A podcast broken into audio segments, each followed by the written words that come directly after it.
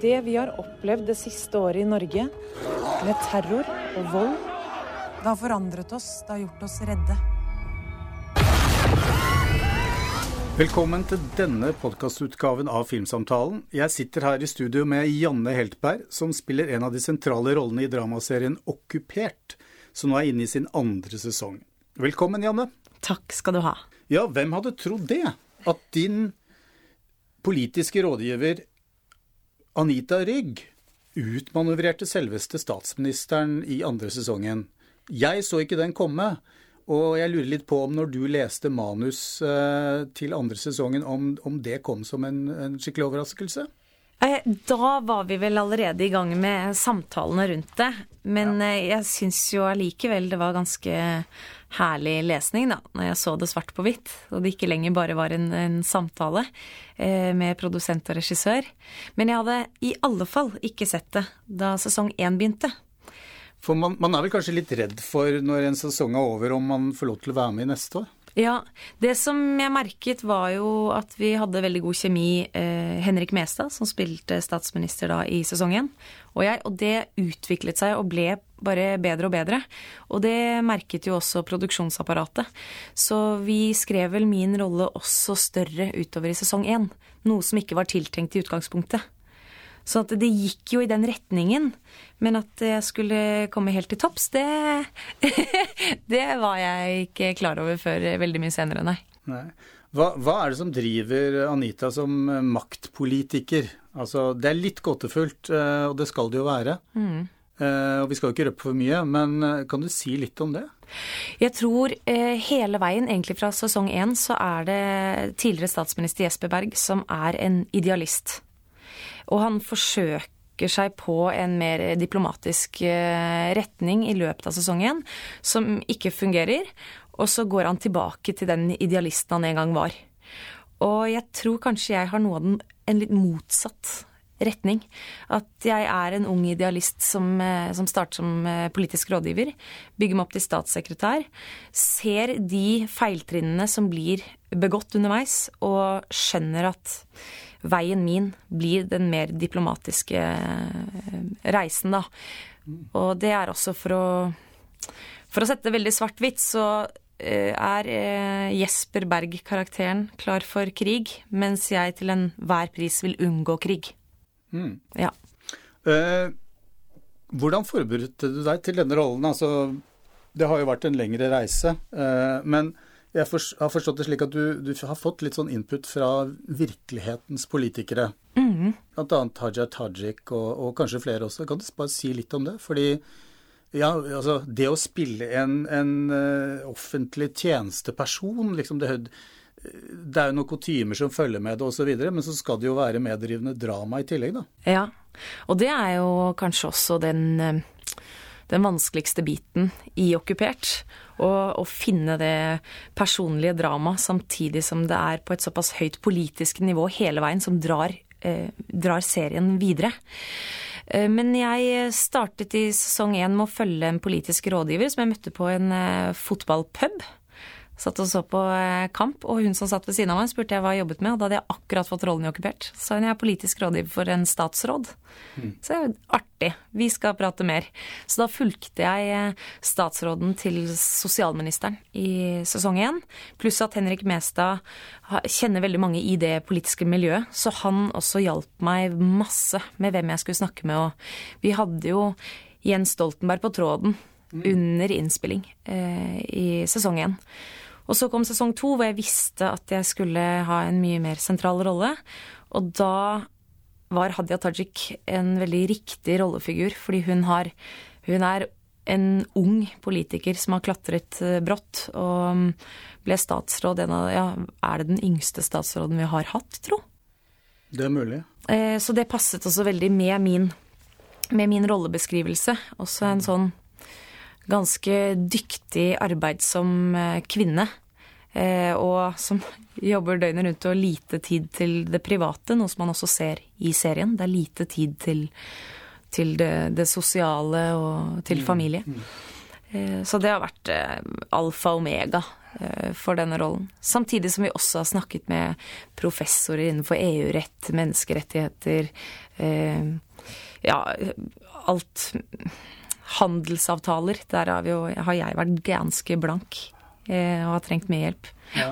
Men nå det... føler jeg at jeg kan gå inn i politikken. Så nå har jeg meldt meg inn i et parti. Ja. Men du, du, spurte ikke Haja Tajik f.eks. om hva ville du gjort i en sånn situasjon? Altså hun Fikk hun liksom et innblikk i, i manus og, og, handlingen for å komme med litt sånn innspill? Ja, både hun og hennes eh, rådgiver. Det var flere av rådgiverne jeg snakket med, men spesielt én, Edina Ringdal. De eh, har hele tiden fått vite premissene for episodene. Og de har også vært inne i scener, og de har også vært inne og bearbeidet talene mine. Og Edina hjelper jo da Hadia Tajik med hennes taler. Og hun hjalp meg med mine taler. Ja, okay. Og det som er det morsomme med Okkupert, er at når man, vi prater med politikere, så har de ikke vanskelig for å se for seg eh, premissene. Det kan, det kan være langt unna, men når de først setter seg inn i det premisset, så har de veldig mange klare svar på hva de ville gjort. Ja. Mm. I forbindelse med den andre norske dramaserien Nobel, så, så det, kom det litt sånn kritikk fra enkelte som tidligere hadde vært ansatt i UD, om at det er vel ikke sånn vi har pleid å gjøre det, osv. Altså at man får en del type sånn kritikk. Men eh, dette er jo science fiction. Mm. Man glemmer jo det noen ganger i forhold til okkupert, fordi det foregår allikevel her og nå, på en måte. Eh, så, så dere, dere, har jo tatt dere friheter, må, og må jo kunne ta dere friheter. Og det aksepterer vel seerne når, når på en måte vi er i et scenario hvor, eh, hvor russerne har okkupert Foretatt en silkeokkupasjon såkalt av Norge, og, og at ting er liksom satt helt på hodet, da. Ja, det som er interessant, er at vi har jo sagt at dette er science fiction, men etter hvert som serien har blitt skrevet, så opplever jeg at den science fiction har blitt virkelighet. Mm. Da vi var i gang med okkupert igjen, så gikk jo Russland inn i Ukraina. Og vårt premiss er jo at USA melder seg ut av Nato. Og det, det var jo et ønske fra Trump under hans eh, eh. Mm. Eh, sånn at ja, det er sånn science fiction slash virkelighet, føler jeg vi ligger og balanserer på. Eh, ja, har dere vært nødt til å liksom overby virkeligheten, da? Er det det? ja. Nei, altså jeg har jo til og med Jeg sa til og med på et tidspunkt til regissør og manusforfatter at nå er det jo bare å skrive inn det dere ønsker skal skje her det, i verden. Fordi det virker som om det er en sånn eh, profetlignende tendens i det manuset her. Fordi det er så mye som, som skjer rundt oss. Jeg tror Du sier at dette er et premiss som publikum eh, godtar. Jeg tror ikke nødvendigvis det er så enkelt. Jeg tror Nei. det er noe av eh, Ikke et problem, men det er utfordringen vår, i Norge i hvert fall. At det er mange som sliter med det premisset. Om det er det at det er eh, en frykt som ligger bak at om dette kunne skje at man ikke vil nærme seg det eller ikke, det vet jeg ikke. Men det er lettere for oss Opplever jeg i utlandet, så er det en, en enda større aksept for premisset enn i Norge. Mm. Og det syns jeg er kjempefascinerende. Mm. Kan du si litt om det? Altså, fordi dette er jo en serie som Dette er jo den norske dramaserien som har, har markert seg sterkest internasjonalt. Mm. Altså blitt lagt merke til nettopp, mm. ikke minst gjennom dette, dette ekstreme scenarioet med, med okkupasjon og klimakrise og storpolitikk. Kanskje er det at vi er veldig trygge i Norge. Til og med når Russland, nabolandet vårt, går inn i Ukraina, så føles det fjernt. Mm. Mens USA har kanskje i veldig mye lengre tid levd med denne det fiendteskapet, eller hva man skal kalle det, med Russland. Det alltid er en, en konkurranse der.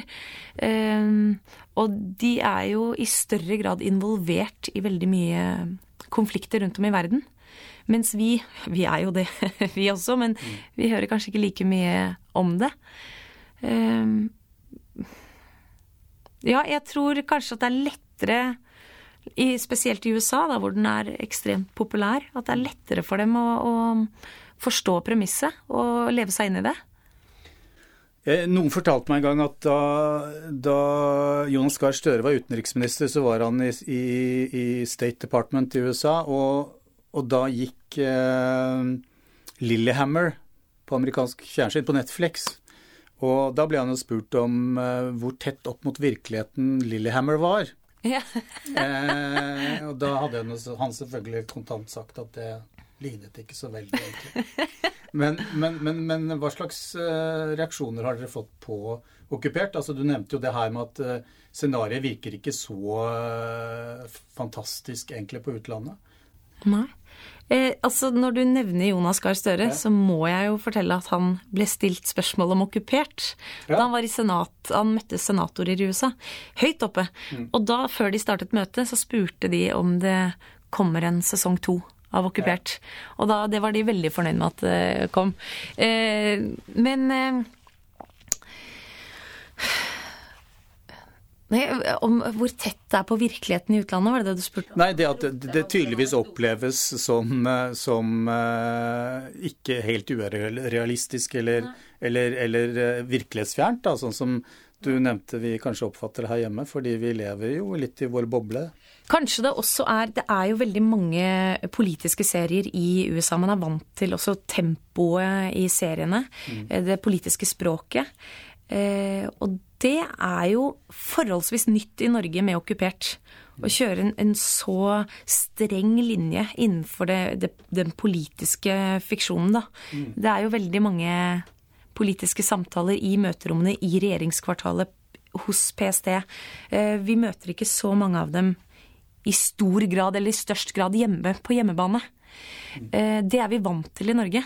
Det er veldig mange serier hvor vi blir med dem hjem i stua og i sengen og til bestemor. Um, så det er vel også kanskje noe å trene opp for seerne i Norge.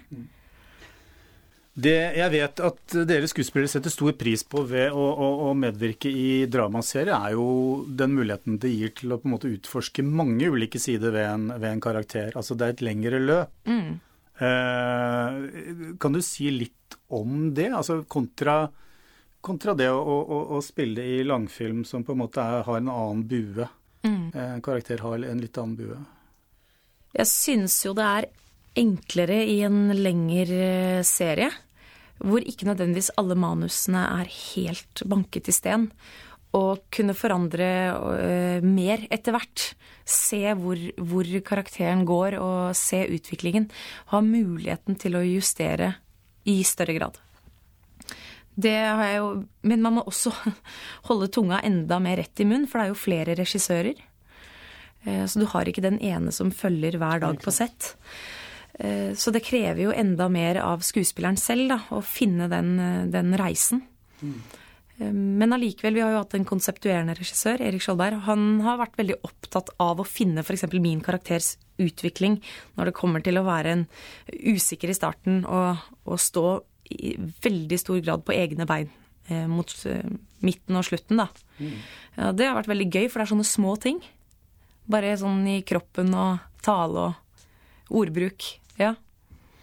Men hvordan kan, hvordan kan, du som skuespiller være med å på en måte utforme historien sånn eh, Hva skal vi si rent praktisk? Altså eh, Kan du si litt om det samarbeidet der? Det har, for min del har det handlet veldig mye om researchen jeg har gjort. De samtalene jeg har hatt med mennesker som jobber med de tematikkene vi tar opp. Og de har kommet med så mye eh, gode tilbakemeldinger på, og, og rettelser. Sånn at takket være dem så har faktisk serien fått veldig mange endrede scener. Bare fordi det er bitte små regler vi ikke vet om, som plutselig tar ting i en helt annen retning. Mm.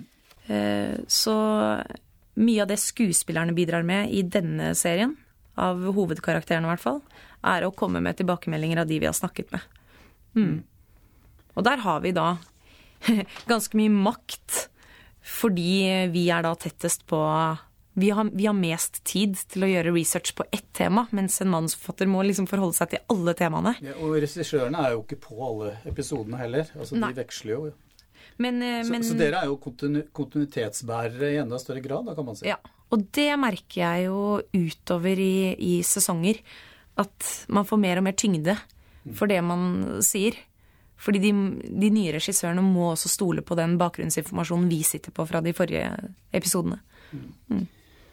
Dere skuespillere som da medvirker i, i flere sesonger av, av, dramaserier, får jo en mengdetrening som norske skuespillere egentlig ikke hadde før.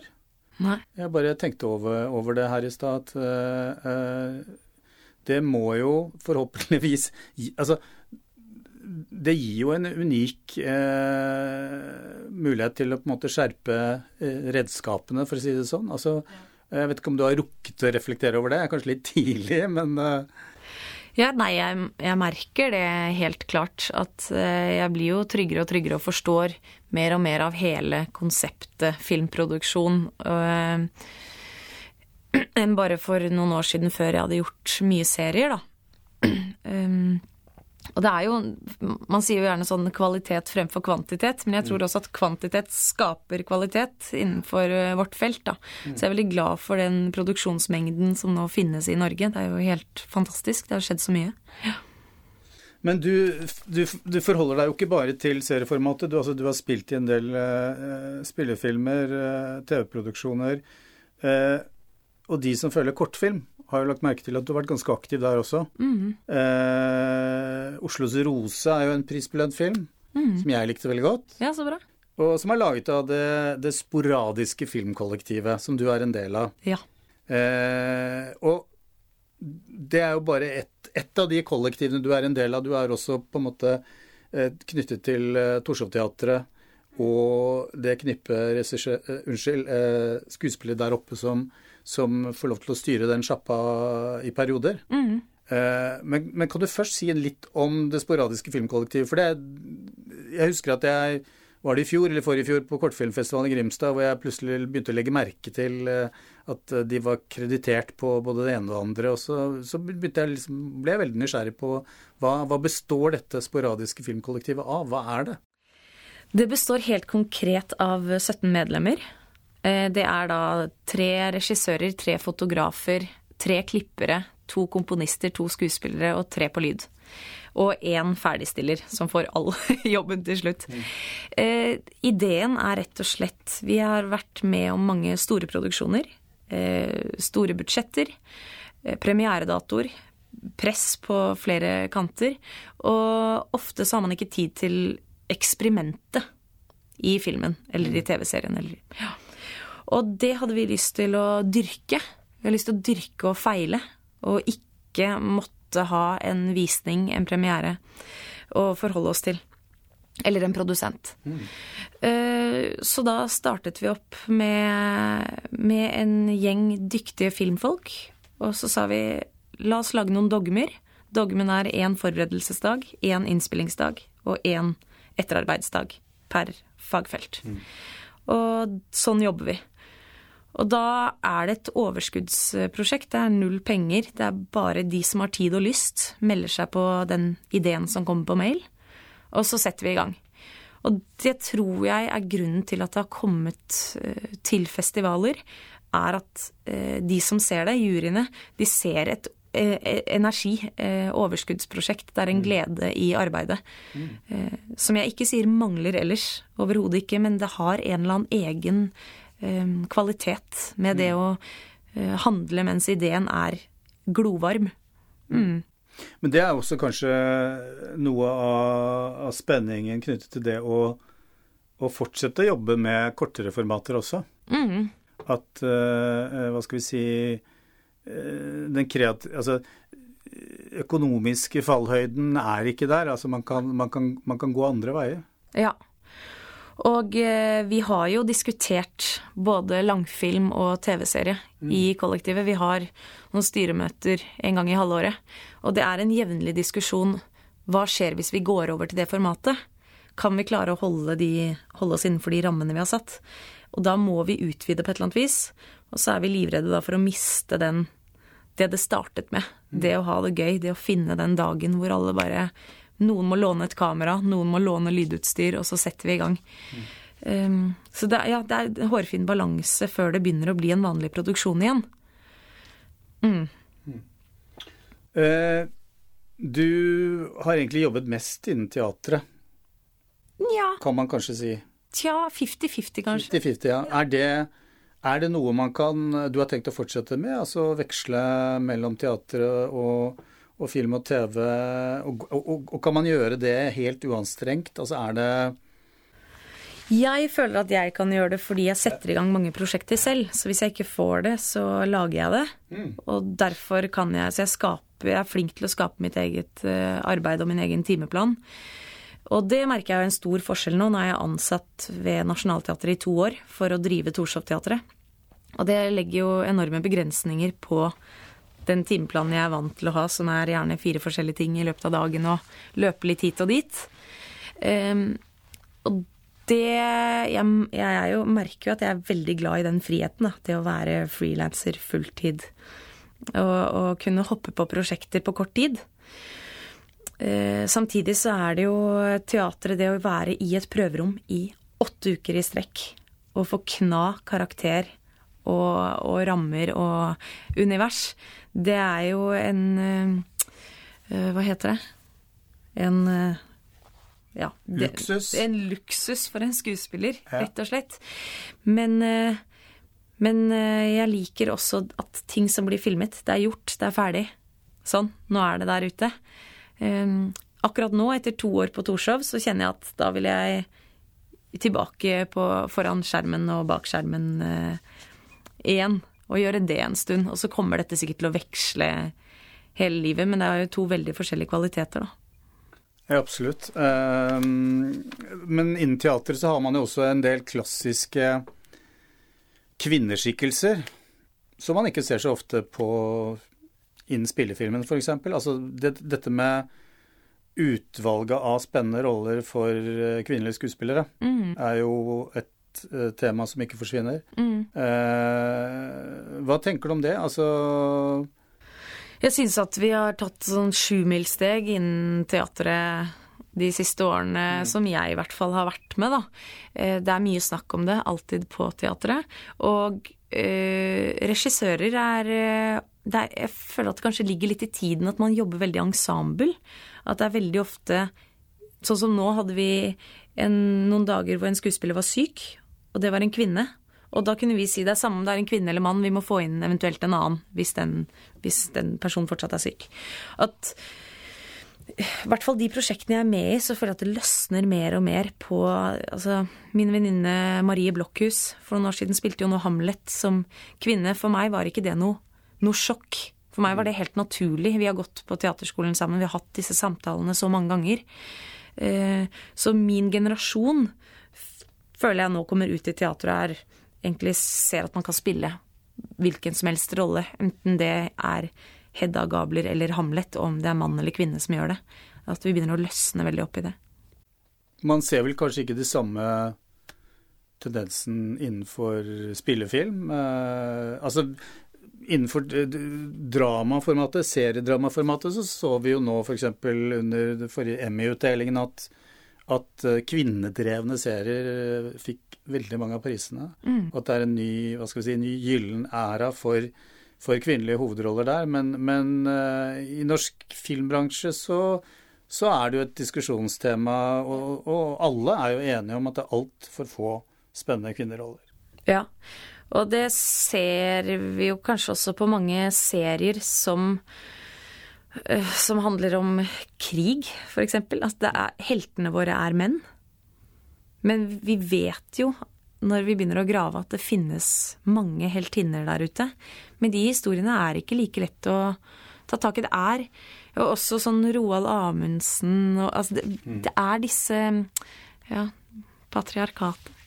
jo, jo, men jeg snakket med Ane Dahl Torp for ikke så lenge siden om dette med, med, med, med roller i norsk film, og hun sa jo noe interessant. Det er at ofte når hun leser manus, så får hun jo så lyst til å, altså, å spørre de som har skrevet manus, eller filmskaperne, om For de som regel er jo hovedrollen en mann.